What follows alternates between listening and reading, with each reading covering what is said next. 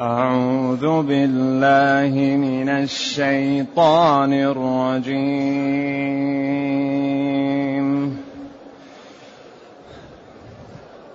ولقد وصلنا لهم القول.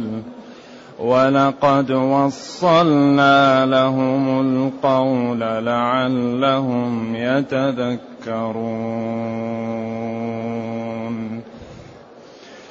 الذين آتيناهم الكتاب من قبله هم به يؤمنون. وإذا يتلى عليهم قالوا آمنا به. واذا يتلى عليهم قالوا امنا به انه الحق من ربنا انه الحق من ربنا انا كنا من قبله إنا كنا من قبله مسلمين أولئك يؤتون أجرهم مرتين بما صبروا. أولئك يؤتون أجرهم مرتين بما صبروا. ويدرؤون بالحسنة السيئة ومما رزقناهم ومما رزقناهم ينفقون. وإذا سمعوا اللغو أعرضوا عنه وقالوا لنا أعمالنا ولكم أعمالكم. قالوا لنا أعمالنا ولكم أعمالكم سلام عليكم. سلام عليكم لا نبتغي الجاهلين.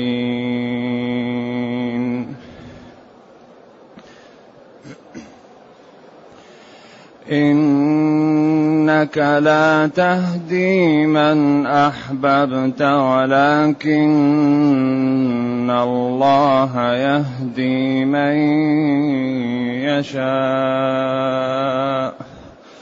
ولكن الله يهدي من يشاء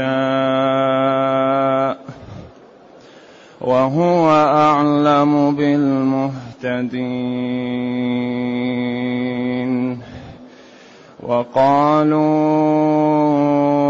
إن نتبع الهدى معك نتخطف من أرضنا أولم نمكن لهم حرما آمنا يجبى إليه ثمرات كل شيء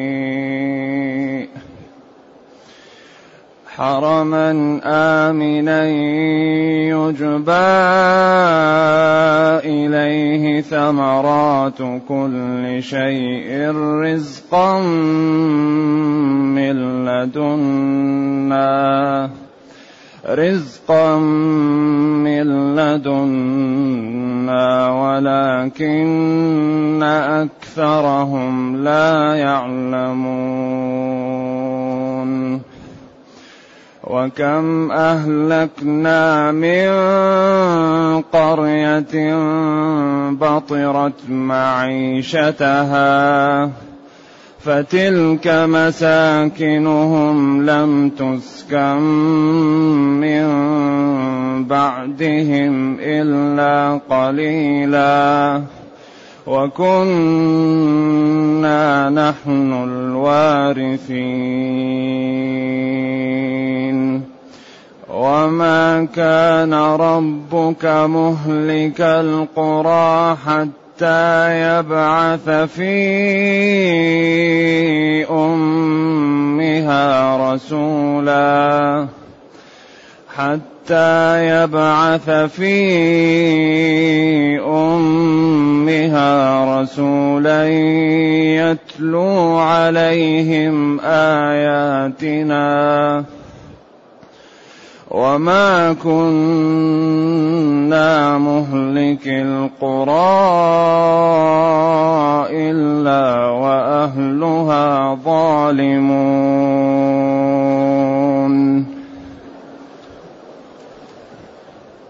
الحمد لله الذي أنزل إلينا أشمل كتاب وأرسل إلينا أفضل الرسل وجعلنا خير أمة أخرجت للناس. فله الحمد وله الشكر على هذه النعم العظيمة والآلاء الجسيمة. والصلاة والسلام على خير خلق الله وعلى آله وأصحابه ومن اهتدى بهداه.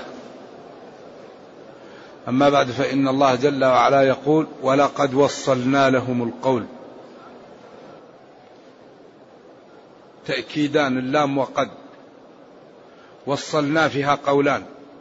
أي أبلغناهم أو جعلنا الرسل والمواعظ و النذر تأتيهم وراء بعض لا فرق بينها. ما فيه محل منقطع. وصلناها لهم. رسول بعد رسول وإنذار بعد إنذار إذا والله لقد وصلنا وصلنا. لهم أي المخاطبون. القول الذي هو الوحي. أي أبلغناه لهم أو جعلنا رسل تأتيهم بعد رسل وبيان بعد بيان ولا ولا ينقطع. كما قال وإن من أمة إلا خلا فيها نذير. لعلهم بذلك يتذكرون فضل ما جاءتهم به الرسل وفائدته فيتركون الكفر والتكذيب فيدخلون في هذا الدين فينجو من دخل فيه ويسعد في دنياه وأخراه.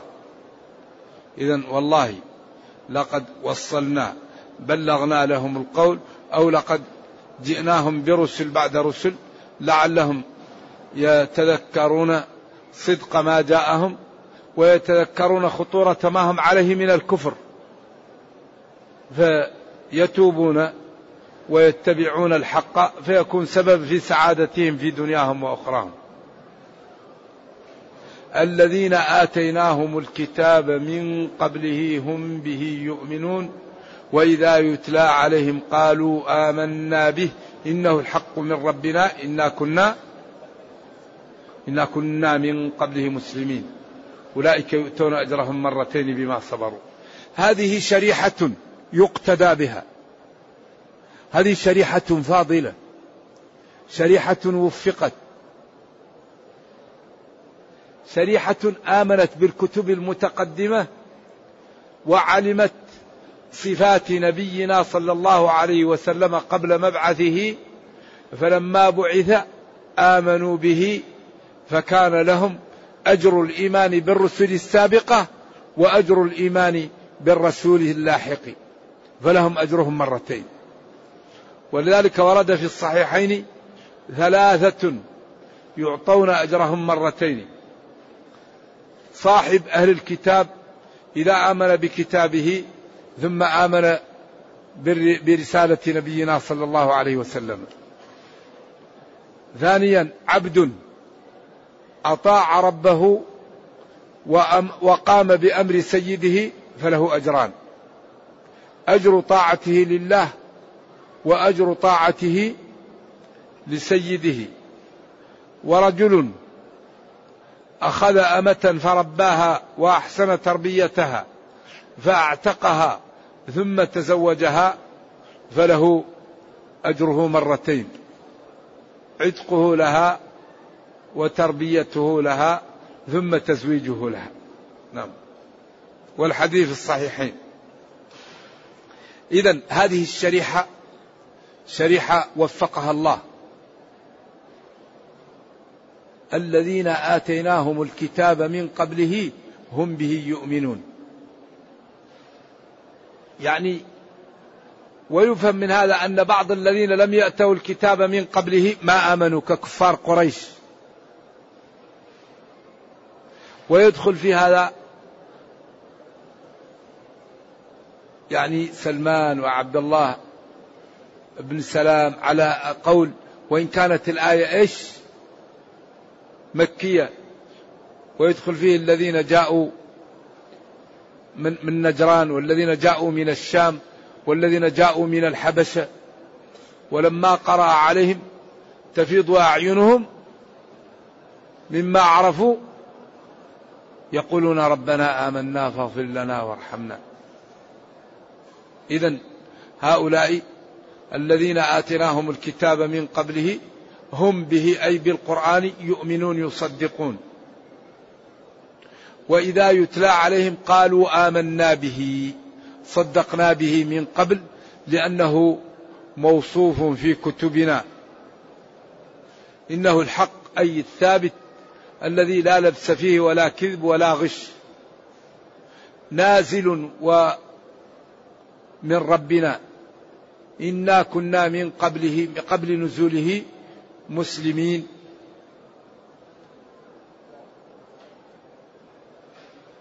مسلمين به وبما جاء من عند الله. والمسلمون هنا هم المستسلمون المنقادون المطيعون لربهم المنفذون الأوامر المجتنبون للنواهي. أولئك هؤلاء. أولئك لا غيرهم. يؤتون يعطون أجرهم جزاءهم مرتين على الإيمان الأول وعلى الإيمان الجديد. بما أي بما صبروا. بما صبروا به على الإيمان وبما صبروا مما يلاقون من الأذية. لأن الدين من تمسك به لا بد أن ينال منه. أي إنسان يتمسك بالدين ويستقيم لا بد أن يجد ما لا يسره. هكذا. ولذلك ورق بن نوفل قال لنبينا صلى الله عليه وسلم ليتني فيها جذع إذ أخرجك قومك. قال أو مخرجيهم؟ قال نعم ما جاء أحد بالدين إلا أوذي. والإنسان إذا استقام في بيته يجد الأذية من ولده ومن أهله. لماذا أنت لا تفعل ولماذا؟ لأن الناس دائما هكذا المستقيم دائما. القابض على دينه يؤتون أجرهم مرتين بما صبروا. صبروا على الدين الأول وعلى الدين الثاني وصبروا على أذية الناس لهم وعلى تنقص منهم. ويدرؤون بالحسنة السيئة. يدفعون بلا إله إلا الله الشرك. أو يدفعون بأذية من حولهم من قريش ومن خالطهم ممن يكره الإسلام. يدرؤون أذيتهم بالكلام الطيب. لا يقابلون الإساءة بالإساءة ويتركونهم بالكلام الطيب وبالرفق وباللطف. ومما رزقناهم ومما أعطيناهم ينفقون ويساعدون الناس ويبذلون في لأجل دين الله ولأجل خلق الله.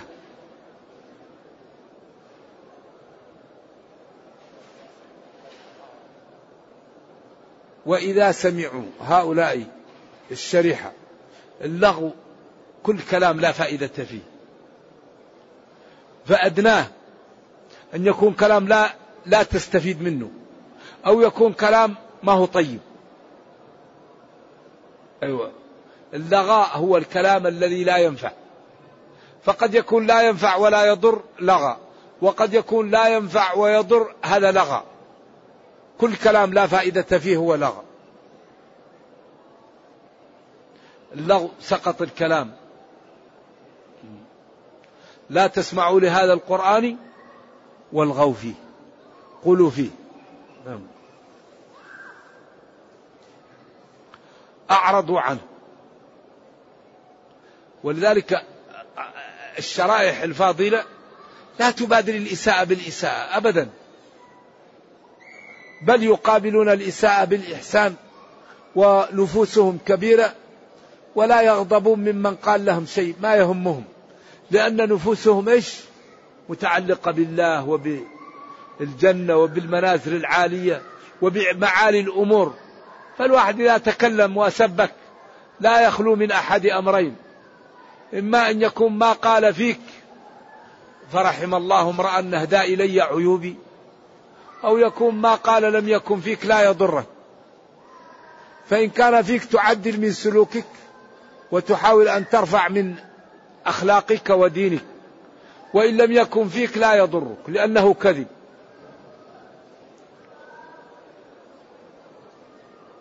ويدرؤون بالحسنة السيئة. ومما رزقناهم يعطون ويدفعون. وإذا سمعوا اللغو الكلام الساقط الذي لا خير فيه أعرضوا عنه. أعرضوا لم يتابعوا ولم يأخذوا ولم يقابلوا صاحبه بمثله. وقالوا لنا أعمالنا ولكم أعمالكم. سلام عليكم هنا ليس تسليم لا تبرئة. تبرئة منكم على القول. سلام يعني وإذا خاطبهم الجاهلون سلام. لنا أعمالنا نجازى عليها ولكم أعمالكم تبرئة مما أنتم فيه. لا نبتغي لا نطلب ولا نريد أن نتنازل وأن نت يعني نتساقط مع الجاهلين. وهذه الشريحة الحقيقة قدوة قدوة. لأنها أولا آمنت. ثانيا استقامت. ثالثا قابلت الإساءة بالإحسان. ثالثا يعني أصبحت في هذا الجانب لها معلم ينبغي أن يعلم ويحتذى به. وهكذا القرآن. شريحة ممتازة نجت يقتدى بها. وشريحة سيئة هلكت يحذر منها ويتكرر حتى يبقى كل واحد عليه على بصيرة. ثم قال لنبيه صلى الله عليه وسلم إنك لا تهدي من أحببت. إنك يا نبي لا تهدي من أحببت. الهداية حق لله. هو الذي يضع المعلومة في القلب. ما يملك الهداية إلا الله. أما الهداية التي هي البيان والتوضيح وإيصال المعلومة فهذه يملكها الرسل وأتباعهم.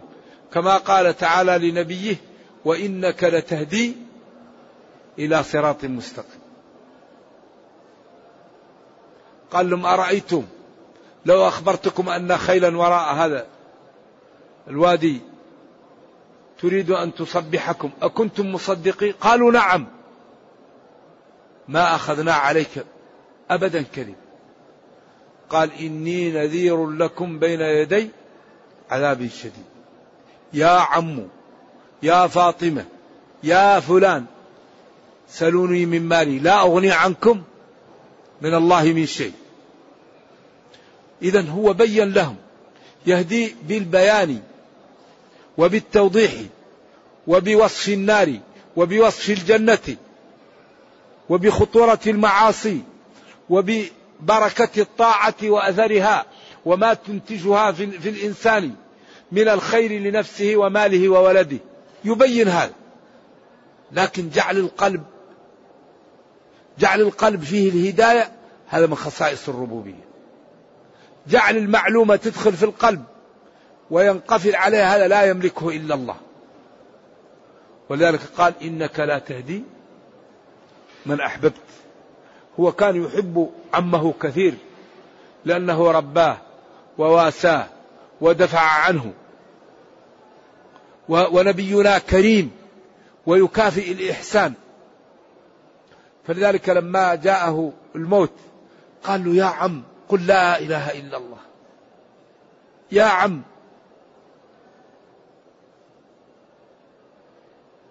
قل كلمة أحاج لك بها عند الله. قالوا إنه قال والله لولا المعرة لقررت عينك بها. لولا أن تعيرني العرب أنني تركت دين آبائي وأجدادي واتبعت ابن أخي يتيما مربيه لولا العيب لأقررت عينك بقولي بها. نرجو الله السلام والعافية. ومات على الكفر. فاستغفر له. قال له ما كان للنبي والذين آمنوا أن يستغفروا للمشركين. ولو كانوا أولي قربى. من بعد ما تبين لهم أنهم أصحاب الجحيم. مات على الكفر. ثم عذر إبراهيم. وما كان استغفار إبراهيم لأبيه إلا عن موعدة وعدها إياه. فلما تبين له أنه عدو الله تبرأ منه. عند ذلك كف عن الاستغفار له. إذا إنك يا نبي لا تهدي من أحببت. لا.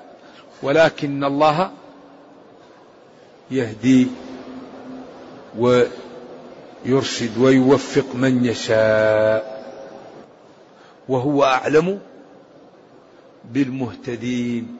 أعلم بمن يصلح للهداية وبمن لا يصلح للهداية. ولذلك إذا أرسل الملك لينفخ الروح في النطفة ختمها. شقي أو سعيد. رزقه. أجله. انتهى. وهذا الذي يخيف الحقيقة. لا يوجد شيء يزعج مثل الخاتمة ما في شيء يزعج مثل ما الذي كتب لنا. هذا مخيف جدا. هذا الذي كان يخاف منه أبو بكر وعمر والإمام سفيان الثوري والعلماء يخافون من الخاتمة. ولكن نسدد ونقارب ونجتهد في الخير ونبتعد عن الشر ونسأل الله التثبيت. أول شيء نخاف. ونبتعد عن المعاصي. ونسأل الله. ولا نقول ما قدر قدر وينام الإنسان. هذا خطر. هذا صاحبه يخاف عليه. يقول اللي قدر قدر وينام عن الصلاة. اللي قدر قدر ويترك صلة الرحم. اللي قدر قدر ويرابي. هذا خطر لا. اللي قدر قدر لكن نبينا قال اعملوا. اعملوا. قال افعلوا الخير تعاونوا اثبتوا كونوا مع الصادقين. قل للمؤمنين يغضوا من أبصارهم ولا تقف ما ليس لك به علم. لا يغتب بعضكم بعضا لا يسخر قوم من قوم لا تقربوا الزنا. ذروا ما بقي من الربا. إذا أكبر سبيل للنجاة أن يخاف العبد من ربه وأن يجتهد في طاعة ربه على قدر استطاعته وأن يسأل الله ويخاف وينفذ الأوامر ما استطاع منها ويجتنب النواهي. أما الذي يقول ادعي لي الذي قدره الله يكون هذا يا ويل هذا خطر. لا. لأن كل شيء له سبب. هذا ما ظن على أن الله يعني يريد بهذا العبد الذي يقول هذا الكلام أن الله يريد أن يشقيه. أهم شيء العمل. اعملوا اعملوا فكل ميسر لما خلق له. إذا يقول جل وعلا إنك يا نبي لا تهدي من أحببت ولكن الله يهدي من يشاء وهو أعلم بالمهتدين أي بمن كتبت لهم السعادة كتبوا من المهتدين. هذا لازم يهتدي والذي شقي لازم يشقى ولذلك إن الرجل لا يعمل بعمل أهل الجنة فيما يبدو للناس. فيما يبدو للناس. حتى لا يبقى بينه وبينها إلا ذراع فيسبق عليه القلم فيعمل بعمل أهل النار فيدخلها. وإن الرجل لا يعمل بعمل أهل النار فيما يبدو للناس؟ حتى لا يبقى بينه وبينها إلا ذراع فيسبق عليه القلم فيعمل بعمل أهل الجنة فيدخلها. إذا ولكن الله يهدي من يشاء. ولذلك من دعاء نبينا يا مقلب القلوب ثبت قلبي على دينك. يا مصرف يا مقلب القلوب ثبت قلبي على دينك.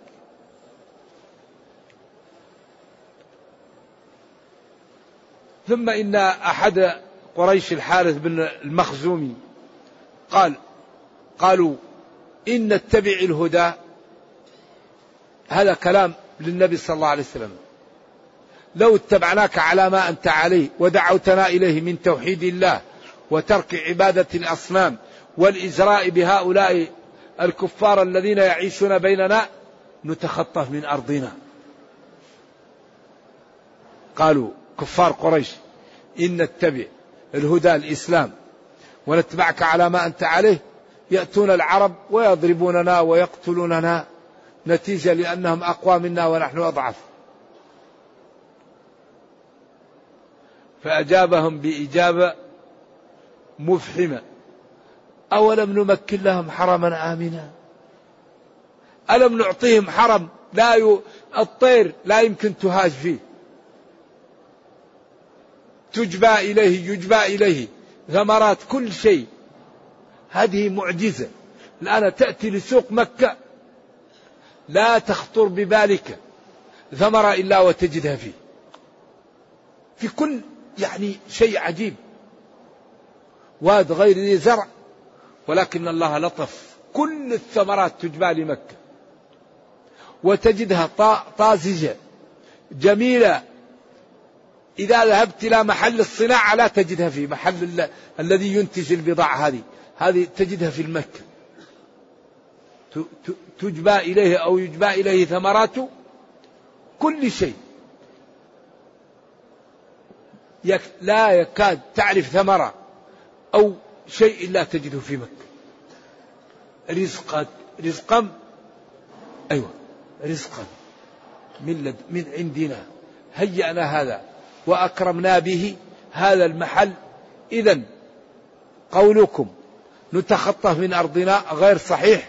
وإنما أنتم عياذا بالله ضللتم واخترتم الكفر لأن هذا الحرم أهله آمنون ومحفوظون ولا يستطيع أحد أن يصل إليه وأي إنسان فيه أراد أحد أن يوقع به أو بقه الله. ولكن أكرهم لا يعلمون خطورة الكفر وما يسببه من الشقاء.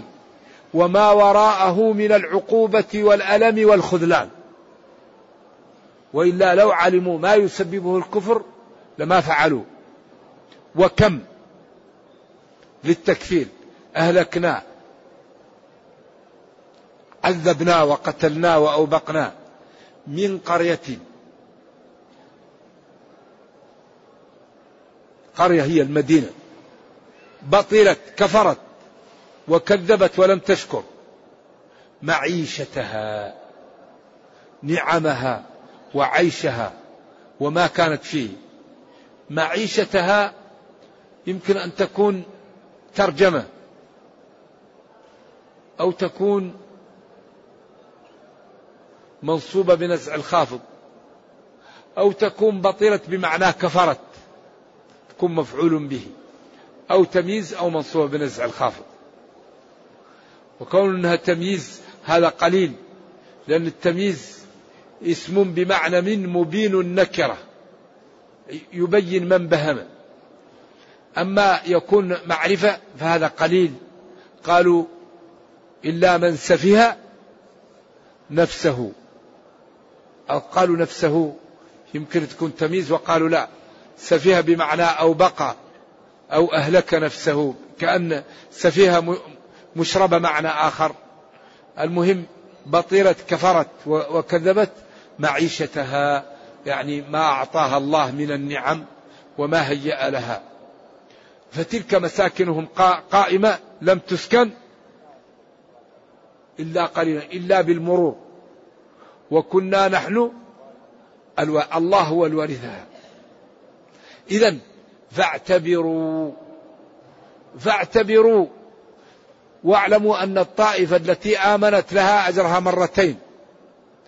والطائفة التي كفرت أهلكت ولا زالت ديارها قائمة يعتبر بها من أعطاه الله عقل واعتبر. وهكذا القرآن. فريق في الجنة وفريق في السعير. يوم تبيض وجوه وتسود وجوه. أولئك حزب الله. ألا إن حزب الله هم المفلحون. أولئك حزب الشيطان. ألا إن حزب الشيطان هم الخاسرون. وهكذا. يتكرر يتكرر. ليتضح لكل واحد الطريقة التي يريدها. وما كنا مهلك القرى وما كان ربك مهلك القرى حتى يبعث في أمها رسولا. أيوة. وما كان ربك يبعث مهلك القرى حتى يبعث في أمها في مكة وفي القرى. رسول يبين للناس أبدا. ولذلك لا يهلك الله قوم إلا بعد أن تأتيهم الرسل وتبين لهم ويكذبون وتأتي المعجزات ولا يؤمنون بها. عند ذلك يهلكون وما كان ربك مهلك القرى حتى يبعث في أمها رسولا. الأم هي الأصل و و و و والتي تنضوي إليها. وأم القرى هي مكة. أو في القرى لأن الأرياف لا, لا تبعث فيها الرسول. وما أرسلنا قبلك إلا رجالا نوحي إليهم من أهل القرى. فالنساء لا ترسل وأهل البوادي لا يرسلون. لا يرسل رجل من البادية. إلا رجالا نوحي إليهم من أهل القرى ولا ترسل النساء وما أرسلنا قبلك إلا رجالا وهو خاتم الأنبياء. فعل ما فيه امرأة رسولة لا. لن يفلح قوم ولو أمرهم امرأة. لا. وما كنا مهلك القرى وما كان ربك مهلك القرى حتى يبعث في أمها رسولا. يتلو عليهم آياتنا. القرى الحول مكة. وهذه الأمور لا يهلك حتى يبعث في مكة رسول يبين للناس ويوضح لها. فإن كفروا ولم يؤمنوا عند ذلك يأتيهم العذاب يوم بدر ويأتيهم العذاب يوم حنين ويأتيهم العذاب ويوم القيامة يأتيهم العذاب. وما كنا مهلك القرى إلا وأهلها ظالمون. ما يهلك الله القرى إلا بالظلم. ولذلك قال وإذا أردنا أن نهلك قرية أمرنا متر فيها بالطاعة ففسقوا فيها فحق عليه القول فدمرناها تدميرا. أو أمر أمرنا على على القراءة الأخرى والمعنى التي فيها أيوة شذوذ. يعني كثرناهم.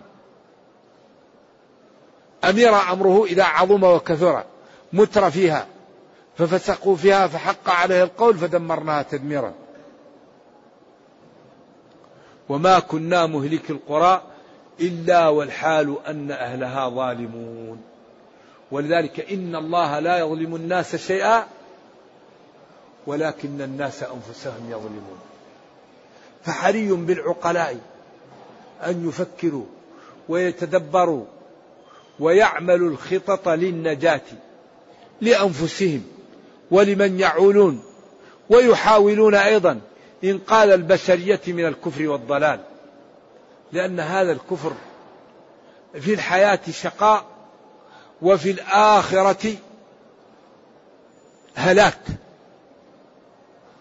الكفر في الدنيا ضلال وحسرة وظلمة. وضيق عيش. وفي الآخرة عذاب وإهانة وألم وشؤم لا يعلمه إلا الله. فينبغي للعاقل أن يتدبر ويخطط لأن ينجو وينتشل ما يستطيع من هذا البشر حتى لا يدخل في النار. ينبغي لكل واحد عاقل أن يخطط لينتشل أكبر قدر ممكن من خلق الله يبعده عن النار. بالدعوة وبإيصال المعنى وبالإكرام وبالرفق وبالقدوة الحسنة وبالتعليم وبالفهم. لأن يهدي الله بك رجلا واحدا خير لك من حمر النعم. فكم لو الواحد يهدي ألف واحد؟ فذلك لا بد أن نوصل للناس هذا الدين بسلوكنا وبأخلاقنا وبفهمنا وبعلمنا. والله تعالى لا يضل قوم حتى يبين لهم ما يتقون. وما أوتيتم من شيء فمتاع الحياة الدنيا وزينتها. أي شيء تعطوه فهو متاع. قل متاع الدنيا قليل قليل. والآخرة خير لمن اتقى ولا تظلمون فتيلا.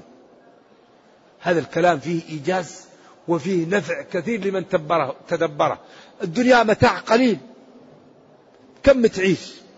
مئة سنة. مئة سنة بعمر الزمن كم تأتي؟ إنسان حاسب في مئة سنة. وكان من أهل الجنة. أليس هذا ربح؟ ظل ممدود وماء مسكوب وفاكهة كثيرة وفرش مرفوعة. إنا أنشأناهن إنشاء. فجعلناهن أبكارا عربا أتراب فيها ما تشتهيه الأنفس وتلذ الأعين وأنتم فيها خالدون. بعدين الم... الذي نهيت عنه أشياء قليلة وأغلب شيء تحتاجه لك منه مباح. الشراب فيه المباح. المتع فيها المباح. المال البيع فيه المباح. الكلام فيه المباح. كل شيء حرم عليك فيه مقابله مباح لك. وبعدين إذا اضطررت تسامح وإذا نسيت تسامح وإذا تبت تسامح. والحسنة بعشر أمثالها. فالبدار البدار قبل أن يفوت الأوان. البدار البدار. هذا ربنا كريم ونعمه علينا جليلة. ولا يضيع أجر من أحسن عملا. ومن شكره زاده وثبت له النعم. ولكنه إذا كفر به العبد وعصاه أخذه أخذ أليم. وكذلك أخذ ربك إذا أخذ القرى وهي ظالمة. إن أخذه أليم شديد. إن بطش ربك لشديد. إن الله لا يملي للظالم حتى إذا أخذه لم يفلت. فلا نغتر. بل نفرح ونشكر النعم ونفتح باب جديد مع ربنا وما أردناه يعطيه الله لنا. إن أردت أي شيء الله يعطيك. ولذلك يقول أوفوا بعهدي. أوفي بعهدكم. والله يقول إن الله لا يخلف الميعاد. وما عند الله خير. أفضل وأبقى. الجنة أفضل. نعيمها أفضل. ما فيها خير الذكر الحسن يوم القيامة. التغابن. المنازل. أيوه وأبقى. فلذلك ينبغي أن نبادر لطلب ما عند الله. ونصرف فيه ما نستطيع.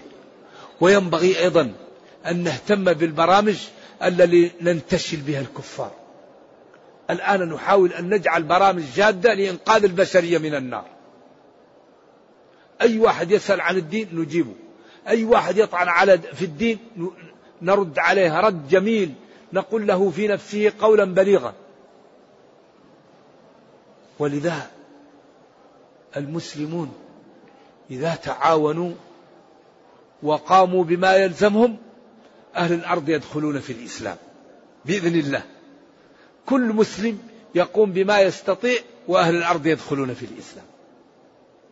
لأنه إذا استقام المسلمون غير المسلمين يحبون الإسلام ويدخلون في الإسلام. ولكن المشكلة أننا نحول المسلمون يحولون بين الكفار وبين حقيقة الإسلام. هذا الآن هو الذي نريد أن لا يكون المسلمون أن لا يكون المسلمون كالجبل الذي يحول بين الكفار وبين الإسلام. لأن الإسلام يقول لك لا تظلم لا تكذب لا تسرق لا تزني لا ترابي تصدق انفق اصلح ذات البين افعلوا الخير لعلكم تفلحون. فإذا قرأ القارئ عن الإسلام قال ما أجمل هذا الدين وما أحسنه وما أنجعه لحل مشاكل أهل الأرض. فإذا نظر إلى المسلمين وجد الربا وجد الرشوة وجد الظلم وجد النهب والغش والنجش. إذا يقول لو كان الدين حق لاتبعه أهله. قال تعالى ربنا لا تجعلنا فتنة للذين كفروا. وأهم شيء في هذا الزمن القدوة الحسنة. القدوة القدوة. وما أريد أن أخالفكم إلى ما أنهاكم عنه. أتأمرون الناس بالبر وتنسون أنفسكم. وأنتم تتلون الكتاب أفلا تعقلون؟ كبر مقتا عند الله أن تقولوا ما لا تفعلون. القدوة هي أحسن شيء وهي طريق سلامة محققة وهي التي يفهمها الذكي وغير الذكي والمبسط. ما رأيت أنفع في هذا العصر من القدوة الحسنة. فلنكن قدوة في الخير ولنرفق بخلق الله ولنكرم جميع الناس. الطيب نكرمه لأنه طيب والبطال نكرمه لإزالة البطالة عنه. فطالما استعبد الإنسان إحسان. نرجو الله جل وعلا أن يرينا الحق حقا ويرزقنا اتباعه وأن يرينا الباطل باطلا ويرزقنا اجتنابه وأن لا يجعل الأمر ملتبسا علينا فنضل. اللهم ربنا أتنا في الدنيا حسنة وفي الآخرة حسنة وقنا عذاب النار. سبحان ربك رب العزة عما يصفون وسلام على المرسلين. والحمد لله رب العالمين والسلام عليكم ورحمة الله وبركاته. هل يلحقني إثم إذا لم أزر قبر النبي صلى الله عليه وسلم؟ لا. لا. وليس. من رجع من دون النبي صلى الله عليه وسلم ما زاره في حجه بمذنبي. قال صلى الله عليه وسلم كنت نهيتكم عن زيارة القبور فزورها ولا أعرف حديثا ثابتا في زيارته. وقبره أفضل القبور ولكن الدين بالاتباع. وثبت عن ثلاثة من الصحابة أنهم زاروه أنس وابن عمر وثالث. فكان ابن عمر إذا أراد أن يسافر يأتي ويقول السلام عليك يا رسول الله السلام عليك يا أبا بكر السلام عليك يا أبتي وينصرف. ونحن ينبغي لنا أن نتبع الدين السنة. اتبعوا ما أنزل إليكم. نعم. أما قال من, من حج ولم يزرني فقد جفاني هذا لا أعرف في شيء يثبت. قال العلماء لا يثبت شيء في الزيارة. إلا قوله كنت نهيتكم عن زيارة القبور فزورها أو قاله ما من مسلم يسلم علي إلا رد الله إلي روحي فأرد عليه السلام ولو في الصين. هذا الذي أعرف نعم. وما فضل أبي بكر وعمر؟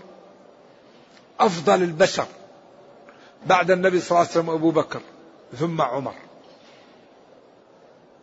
ما لأحد عندنا يد ما إلا أبو بكر. هل أنتم تاركوا لي صاحبي؟ مروا أبا بكر فليصلي بالناس.